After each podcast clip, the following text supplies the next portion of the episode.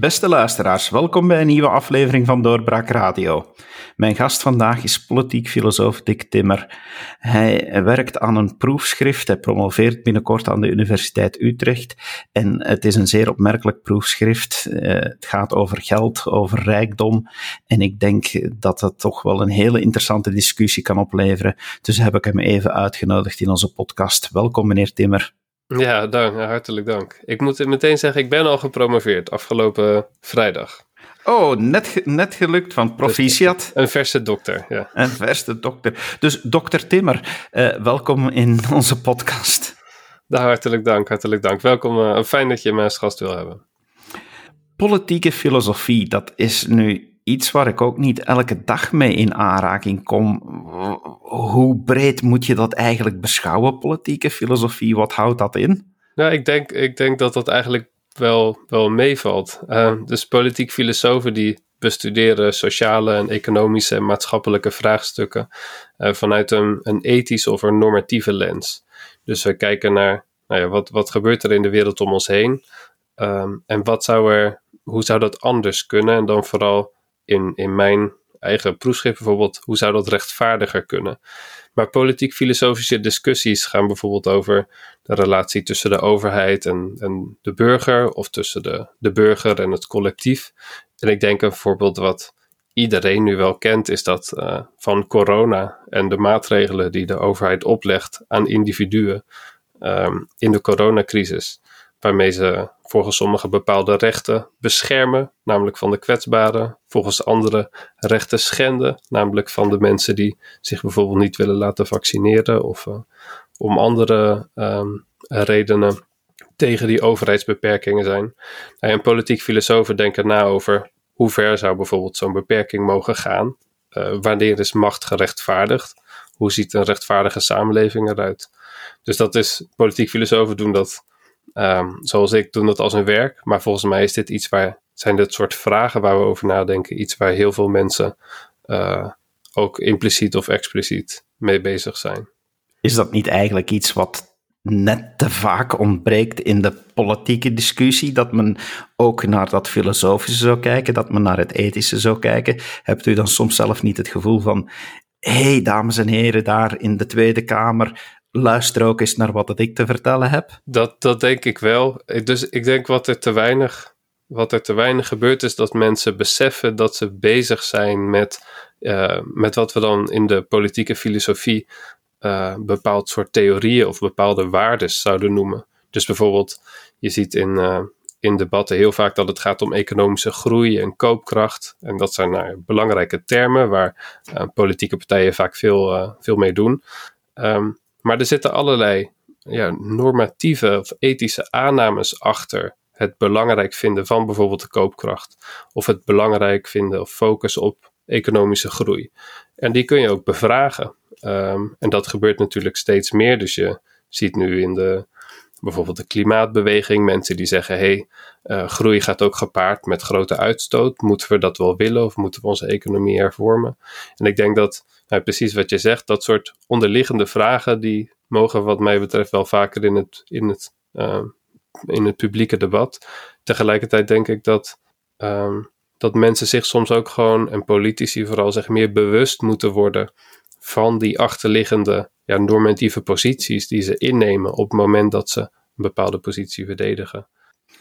Dat, uh, ja, dat, dat, dat zou kunnen leiden tot heel wat theoretische overzichten, maar wat mij opvalt in wat u net zegt, is dat, u ook, dat, dat ook bevraagd kan worden. Dus zulke filosofieën opbouwen over politieke keuzes hoeft niet een ver van, van je bedshow te zijn. Van, dit gaat ook echt gaan zoeken voor wat is er daadkracht, wat leeft er bij de mensen. Dus dat, dat hoort er ook allemaal bij. Ja, en soms nemen denk ik is juist als je die stap terugneemt, kun je tot best wel uh, ja, radicale ideeën komen in het huidige politieke debat. Ik vind een heel mooi voorbeeld daarvan vaak de erfbelasting.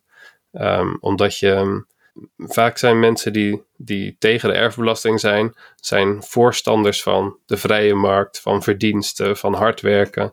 Uh, terwijl als je dan gaat nadenken over nou, wat, wat is wat is precies verdienste?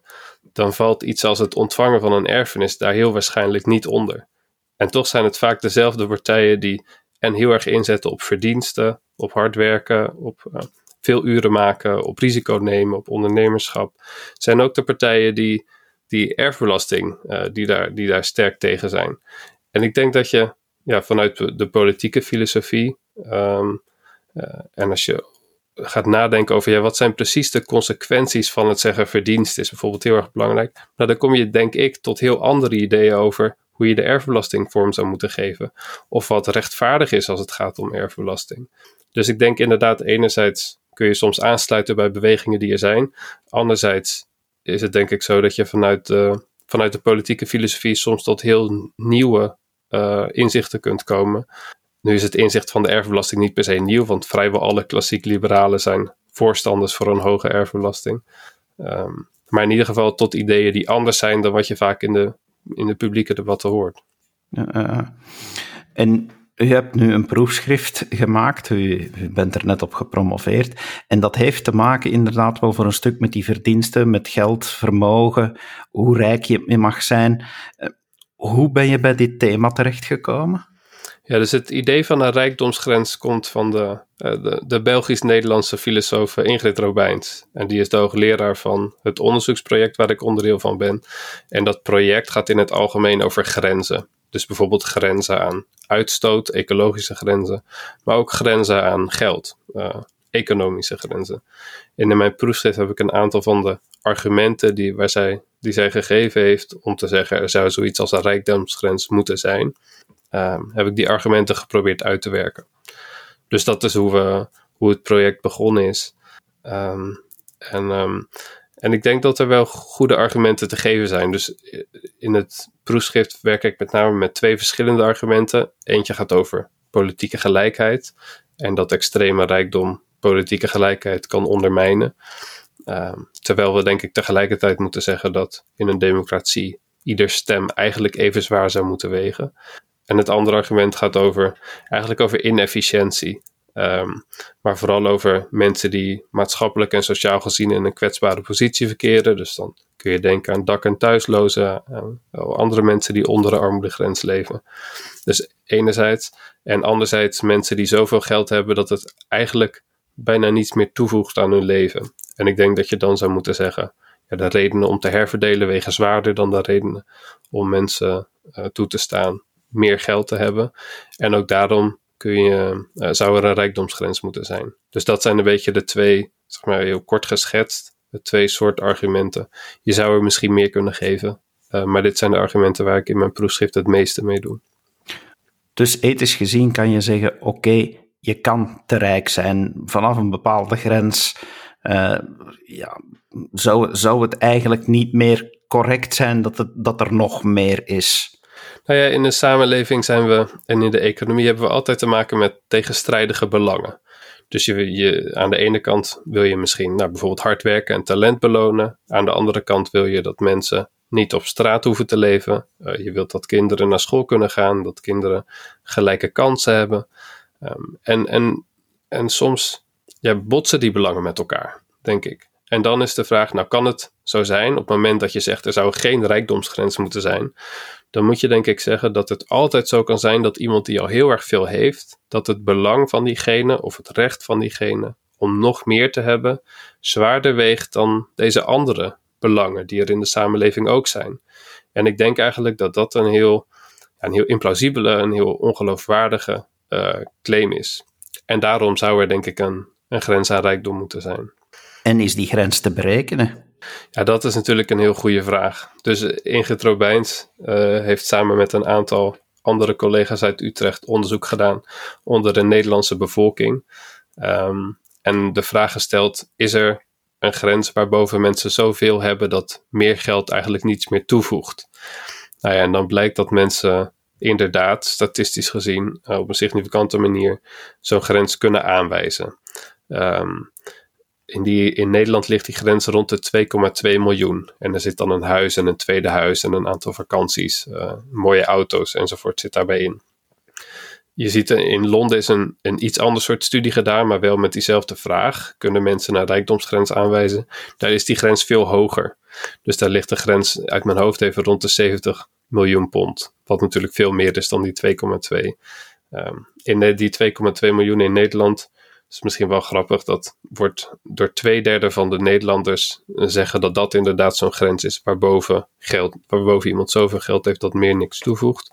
Als je die grens verhoogt naar iets boven de 70 miljoen, dan zegt 96% van de mensen dat. Dus dat percentage loopt, loopt eigenlijk steeds verder op. Maar wat zij in datzelfde onderzoek hebben gevraagd is: betekent dat dan ook dat mensen te veel hebben? En daarop is het antwoord nee.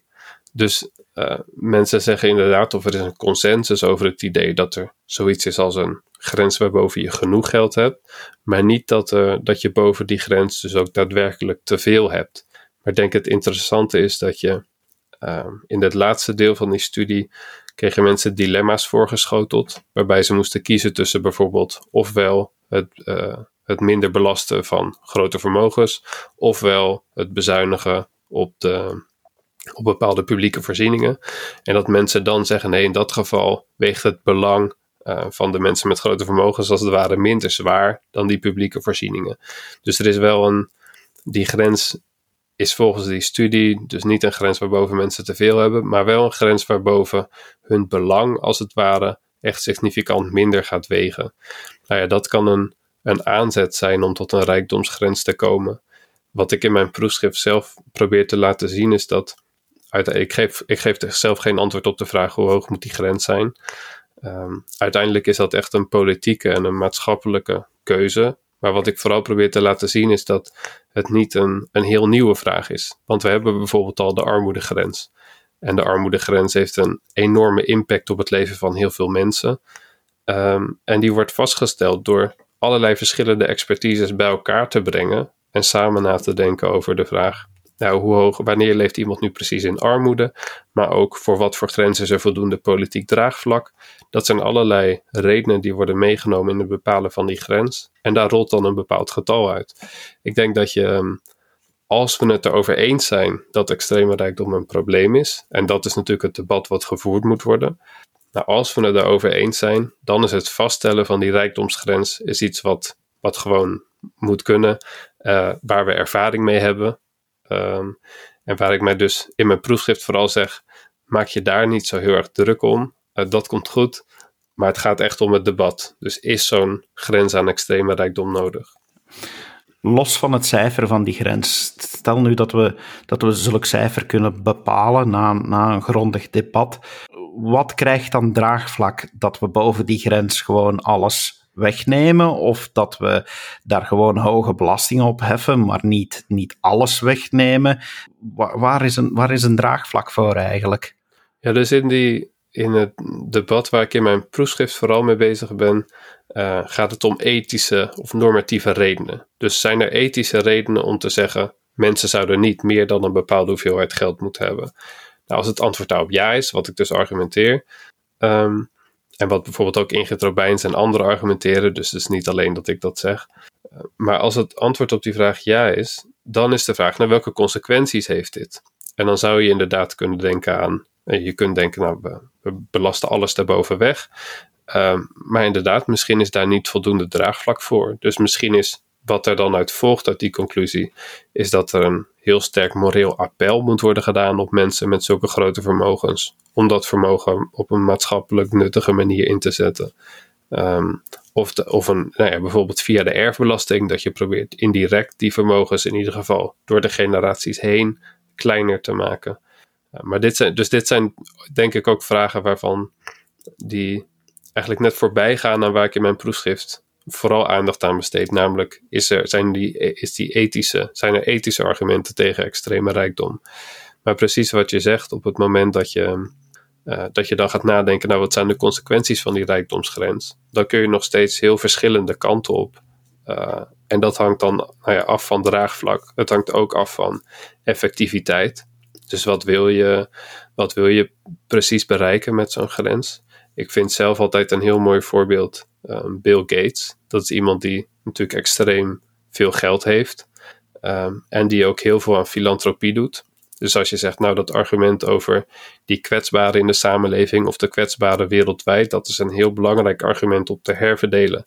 Nou, dan kun je zeggen, ja, dan doet Bill Gates misschien wel heel erg veel goed. Hij heeft natuurlijk nog steeds zoveel geld, maar hij gebruikt dat op een maatschappelijk en sociaal gezien heel zinvolle en waardevolle manier.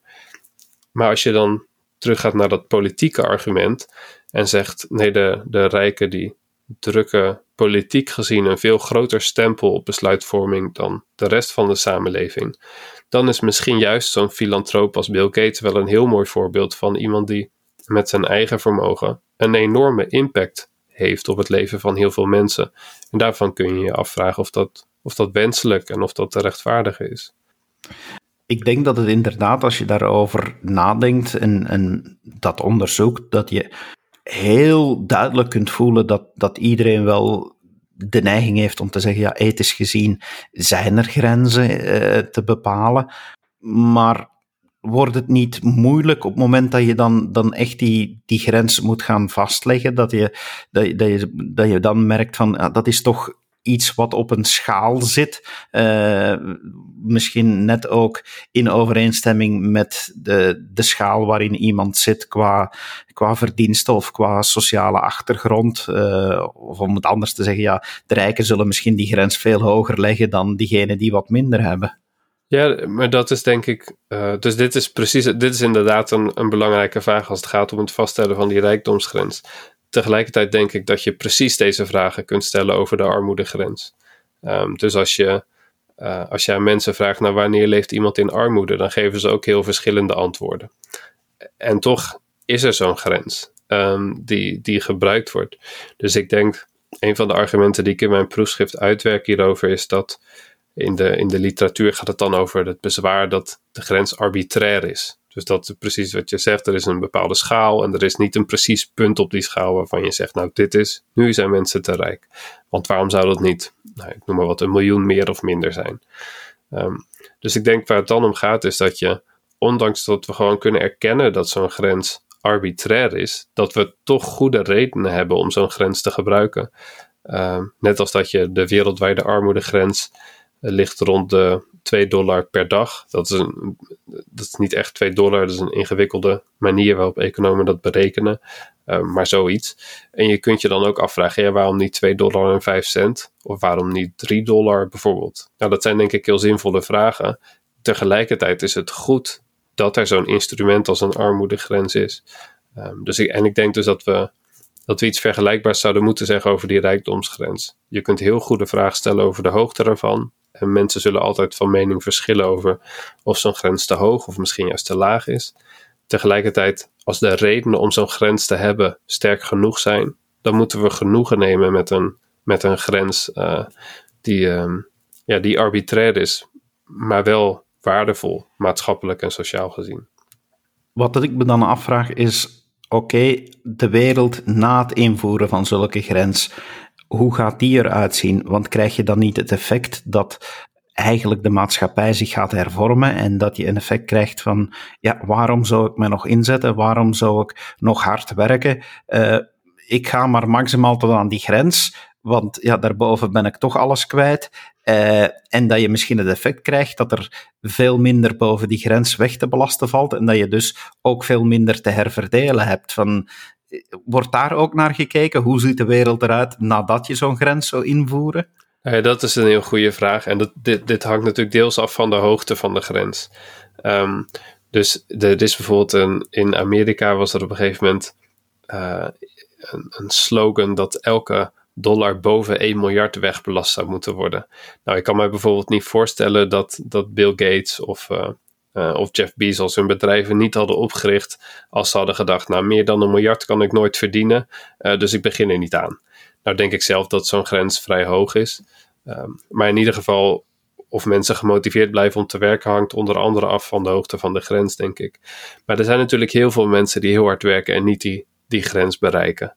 Um, dus het is, ik kan me moeilijk voorstellen dat het, dat het echt die, ja, sommigen zeggen de economie stort in. Um, nou, ik vond eigenlijk waar je zelf, wat je zelf net noemde, dat mensen zich misschien ook wel aan zullen passen uh, aan het idee van, nou, ik kan niet meer dan zoveel verdienen. Um, Uh, maar tot die grens kan ik komen. Dus nou ja, dan, dan kun je je daar misschien voor inzetten. Maar ik denk het, het belangrijkere punt is inderdaad: uh, zijn de doelen, de, de redenen die je hebt om zo'n grens te stellen, ondersteunen die wel echt die grens? Dus als het doel inderdaad echt herverdelen is, dan zou je misschien moeten zeggen: we hebben goede argumenten voor een rijkdomsgrens. En wat we doen boven die grens, is ervoor zorgen dat dat maximaal ten goede komt van de mensen die uh, nou, die in een kwetsbare positie zitten, bijvoorbeeld. Als het argument over politieke gelijkheid vooral gaat, of over kansengelijkheid, dan moet je misschien zeggen: Nou, dan, dan nemen we voor lief dat er minder te herverdelen valt. Uh, maar wat we daarvoor terugkrijgen zijn andere belangrijke waarden, zoals meer kansengelijkheid, zoals een gelijkere stem in politieke besluitvorming. Dus dat zijn het soort afwegingen wat je, wat je inderdaad moet maken. Um, daarom is denk ik de erfbelasting een, een mooi voorbeeld, omdat economisch gezien is dat een weinig verstorende belasting. Dus dat betekent dat mensen um, niet minder gaan werken als er een, een hogere erfbelasting is. Uh, en het is denk ik een belasting die ethisch gezien goed te rechtvaardigen is, juist vanwege kansengelijkheid. Um, omdat mensen die een grote erfenis erven, daarmee al eigenlijk een, een voorsprong en ik denk ook een onverdiende voorsprong hebben op mensen die dat niet hebben. Uh, dus er zijn denk ik ethisch gezien heel goede redenen voor die erfbelasting. Wat ook precies is, ik zei dat aan het begin al, uh, wat de klassieke liberalen als John Locke en Adam Smith en wat nu de mensen die nu vaak worden gezien als de voorvechters van de vrije markteconomie uh, en de vrije handel, zijn om precies die redenen ook heel grote voorstanders van de erfbelasting. Uh, want het het, het vergroot kansengelijkheid en het maakt een economie volgens hen ook efficiënter. Um, dus ze hebben er allerlei verschillende argumenten voor. Maar dus afhankelijk van wat je doel is en afhankelijk van hoe je de verschillende doelen, dus bijvoorbeeld politieke gelijkheid en, en het zorgen voor de kwetsbaren, tegen elkaar weegt, um, kun je anders omgaan met de rijkdom boven die rijkdomsgrens. Als je daar verder over nadenkt, moet je dan ook niet tot de conclusie komen dat zo'n grens instellen alleen zou werken als het globaal wordt ingesteld. Want uiteindelijk, als één land of een paar landen dit doen, ja, dan heb je dus automatisch landen die het niet doen. Ja, dan worden dat toch de landen waar alle rijken gaan wonen. Ja, dat, is, inderdaad een probleem. Um, ik, ik twijfel zelf altijd, en hier heb, ik heb er niet een goed antwoord op. Ik twijfel zelf altijd of dit een probleem is voor de rijkdomsgrens of voor alle soorten van progressieve uh, belasting. Um, dus daar hoor je dat natuurlijk ook. Als we de belasting op vermogens verhogen, dus niet tot 100%, maar uh, tot, uh, nou ja, dat verschilt per land. In Amerika was nu een, een voorstel voor een vrij lage vermogensbelasting. En er werd precies dit argument ook gegeven. Als we dat doen, dan krijg je kapitaal wat ja, naar een ander land wordt, wordt doorgesluist. En, en dus is zo'n belasting bijvoorbeeld niet effectief of niet efficiënt. Nou, dat zijn dingen waar je waar je altijd rekening mee moet houden. Dat geldt denk ik ook voor een rijkdomsgrens, maar dat geldt voor alles wat je zou, um, zou willen doen aan extreme rijkdom. En daarom is dat denk ik de eerste vraag. Dus de eerste vraag is: is er een probleem met extreme rijkdom? En als, als dat probleem er inderdaad is, dan moeten we daar iets mee. En dan moeten we ook nadenken over de gevolgen van keuzes die, die worden gemaakt om extreme rijkdom tegen te gaan. Hebt u in uw proefschrift ook specifiek gaan onderzoeken, we halen het daarnet al even aan, naar, naar de verdiensten, hoezeer de prikkel om te presteren beïnvloed zou worden door een, een uh, rijkdomgrens? Dus, ik, eh, dus in de politieke filosofie, in ieder geval in wat ik heb gedaan, zijn die, die empirische vragen, dat zijn niet de vragen die ik in mijn proefschrift onderzocht heb. Dus ik, de, de argumenten waar ik wel naar gekeken heb, is kun je op basis van verdiensten, uh, op basis van hard werken, zo'n groot vermogen rechtvaardigen. Um, dus kun je in eten, je kunt het natuurlijk verdienen, want sommige mensen hebben het. Um, maar kun je ook in morele zin zo'n groot vermogen verdienen? Um, maar de vraag wat, wat de prikkel van mensen is om, uh, om zo'n groot vermogen te verdienen, empirisch gezien, dus wat beweegt mensen om dat te doen, dat is niet iets wat ik in mijn proefschrift heb onderzocht. Maar er zijn anderen die daar onderzoek naar hebben gedaan. Um, en die daar heel zinnige dingen over kunnen zeggen. Ik denk dat wat, wat interessant is, is bij die verdienstenargumenten. Dus in de politieke filosofie worden verdienstenargumenten vaak een beetje aan de kant gezet. Omdat mensen zeggen, ja, uh, verdienste hangt heel erg af van waar je geboren wordt, van wie je ouders zijn, van wat je, wat je erft aan, aan economisch kapitaal, maar ook aan cultureel en sociaal kapitaal. Nou, je kunt daar misschien toevoegen, uh, aan toevoegen uh, wat je huidskleur is, of je man of vrouw bent, of, enzovoort. Dus dat zijn binnen zo'n idee van verdiensten speelt dat allemaal een rol. Maar ik denk wat vooral interessant is, is dat, het, dat verdienstenargumenten door politiek filosofen uit allerlei verschillende hoeken van het spectrum worden weggezet. Ehm, en de reden daarvoor is denk ik één dat het, dat het heel moeilijk is om echt een verdienstenargument te maken waarbij je zegt: dit is nu echt iets wat deze specifieke persoon gedaan heeft om iets te verdienen. Um, en het tweede is dat als je kijkt naar hoe bijvoorbeeld inkomens tot stand komen, wat bepaalde beroepen betaald krijgen enzovoort. Ehm, de meeste economen zullen zeggen dat heeft helemaal niets met verdiensten te maken. Dat heeft te maken met vraag en aanbod. Uh, dus je kan beter een middelmatige bankier zijn dan een extreem goede violist bijvoorbeeld. Hoewel de violist getalenteerder is, harder werkt, misschien ook nou, maatschappelijk meer betekent. Uh, ik noem maar iets. Terwijl de, de middelmatige bankier niet zo heel erg hard werkt, soms een beetje de kantjes eraf loopt. Maar die zit nu eenmaal in een sector die in de samenleving, nou, waar, waar hoge salarissen worden betaald. En dan kun je zeggen, ja, zo iemand verdient dat. Maar dat is dan niet op basis van hard werken of op basis van talent. Want dan zou de, nou, zou de violist bijvoorbeeld meer moeten verdienen. Dus hoe verdienst is in publieke debatten vaak heel centraal en heel belangrijk. En mensen nou ja, als het gaat over een rijkdomsgrens, maar ook over de erfbelasting of een progressieve belasting, dan hoor je dat vaak. Hè, van ik heb hard voor gewerkt of zij hebben hard voor gewerkt, ze zijn getalenteerd. Terwijl denk ik, als je dat argument echt serieus neemt, je tot een heel andere manier van, uh, van het rechtvaardigen en van het nadenken over inkomens en vermogens zou komen, um, dan wat deze mensen denken dat het zou rechtvaardigen. Een laatste vraag, meneer Timmer. Bent u inmiddels een veelgeboekte gast op politieke congressen? Nog niet. Uh, wie weet, wie weet later. Nu is, in Nederland is het zo dat, uh, dat nu de, de jaarlijkse, wat heet de algemene beschouwingen over de begroting zijn. Dus volgens mij hebben de mensen in Den Haag hier nu wel andere dingen aan hun hoofd. Maar, maar wie weet, wie weet. Wie weet, inderdaad. Heel boeiende discussie. Geeft toch wel stof tot nadenken. Ik vond het heel interessant om met u te praten. Dank u wel dat u tijd hebt vrijgemaakt voor onze podcast. Ja, hartelijk dank. Hartelijk dank voor de uitnodiging. En ik heb erg genoten van het gesprek. Dankjewel. En u, beste luisteraar, u hoort het, er zijn heel wat argumenten om na te denken over een uh, rijkdomgrens, een discussie die te gronde kan gevoerd worden voor een, en voor een ernstig debat zou moeten zorgen. U ziet welke onderwerpen we blijven uittypen, dus we hopen dat u er ook wat van opgestoken hebt en heel graag tot de volgende keer. Dag. Dit was een episode van Doorbraak Radio de podcast van doorbraak.be. Volg onze podcast op doorbraak.be/slash radio of via Apple Podcasts, Overcast of Spotify. Bezoek ook onze website op doorbraak.be en steun ons door een vriend te worden van Doorbraak.